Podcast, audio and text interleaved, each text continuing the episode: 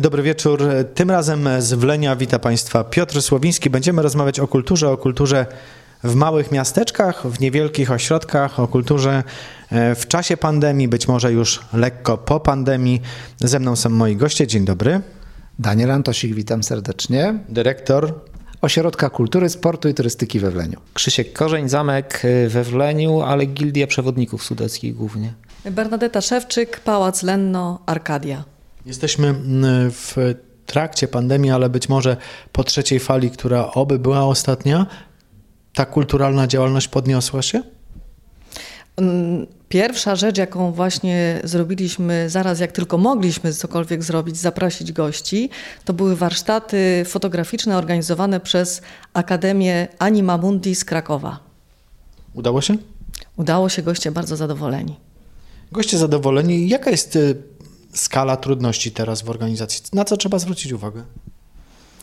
Y, ja myślę, że przede wszystkim y, każdy powinien być odpowiedzialny sam za siebie i ocenić, czy jest w stanie uczestniczyć w takiej imprezie i czy może przyjechać, czy um, uważa, że po prostu należy przyjść i wziąć udział.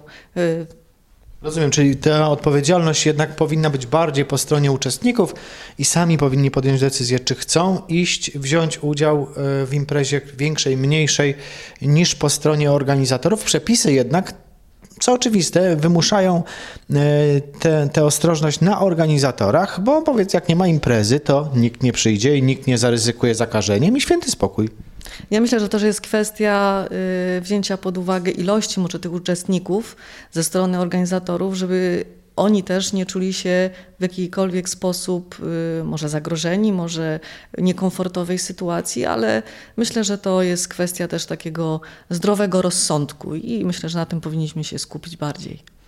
Dla e, gildii przewodników, dla gospodarzy zamku we Wleniu pandemia zaczęła się w paskudnym momencie, rozkręcaliście zamek, coraz więcej osób, ja tutaj oglądałem wieczorami tych, którzy przychodzili na e, zwiedzanie nocne, no to były już naprawdę duże grupy i nagle cios. Nie można, nie można, nie można, nie można. Czy tak, no z perspektywy pewnie tego roku można powiedzieć, że chyba najgorszym problemem takim pod względem organizacji czegokolwiek e, to brak wiedzy, co będzie za tydzień albo dwa. Ta sytuacja się jakby mówię z perspektywy w ogóle no, przewodnictwa tutaj zamku we Wleniu, ona się zmieniała, tak powiem, dramatycznie i jak było słabo, to później się okazywało, że jest jeszcze gorzej, w sensie, nie wiem, ograniczeń związanych z wielkością grupy, dopuszczania tego. No i też jest tak, że na pewno była e, taka niepewność związana z tym, że wszelkiego rodzaju e, rozporządzenia, które wchodziły, jakby nie precyzowały do końca tej naszej działalności, bo mówię tutaj o zamku we Wleniu jako muzeum, tak, ale już organizacji grup, no bo czy taki spacer to jest zgromadzenie? Z jednej strony tak, ale jak się patrzy na definicję zgromadzenia, tam jest napisane bezpośrednio, że jest to zgromadzenie o podłożu politycznym. Czy jest to impreza? Teoretycznie tak, ale już nie impreza turystyczna. Impreza turystyczna też ma e, swoją definicję i można powiedzieć, że taka niepewność czy cokolwiek można zrobić z jednej strony, a z drugiej strony niepewność, czy można cokolwiek zaplanować, czy nie będzie kolejnego lockdownu, czy nie będzie jakichś kolejnych problemów, powodowała to, że tak naprawdę niewiele można było robić. Można było tylko i wyłącznie wpisywać się w krótkotrwały okres, który e, był pomiędzy tymi e, kolejnymi falami, e, ograniczając w jakiś sposób działalność, wpisując się w te wszystkie przepisy. No też przy okazji samego zamku, no szczęście jest takie, że jednak jest to obiekt otwarty, no to nie jest zamknięta powierzchnia, jak nie wiem, w muzeum na przykład, więc tutaj te jakieś tam przestrzenie dawało, ale też na przykład interpretacje, ile osób może wejść na zamek, też były pisma wysyłane do sanepidu, żeby no w jakiś sposób no zorientować się w tej całej sytuacji.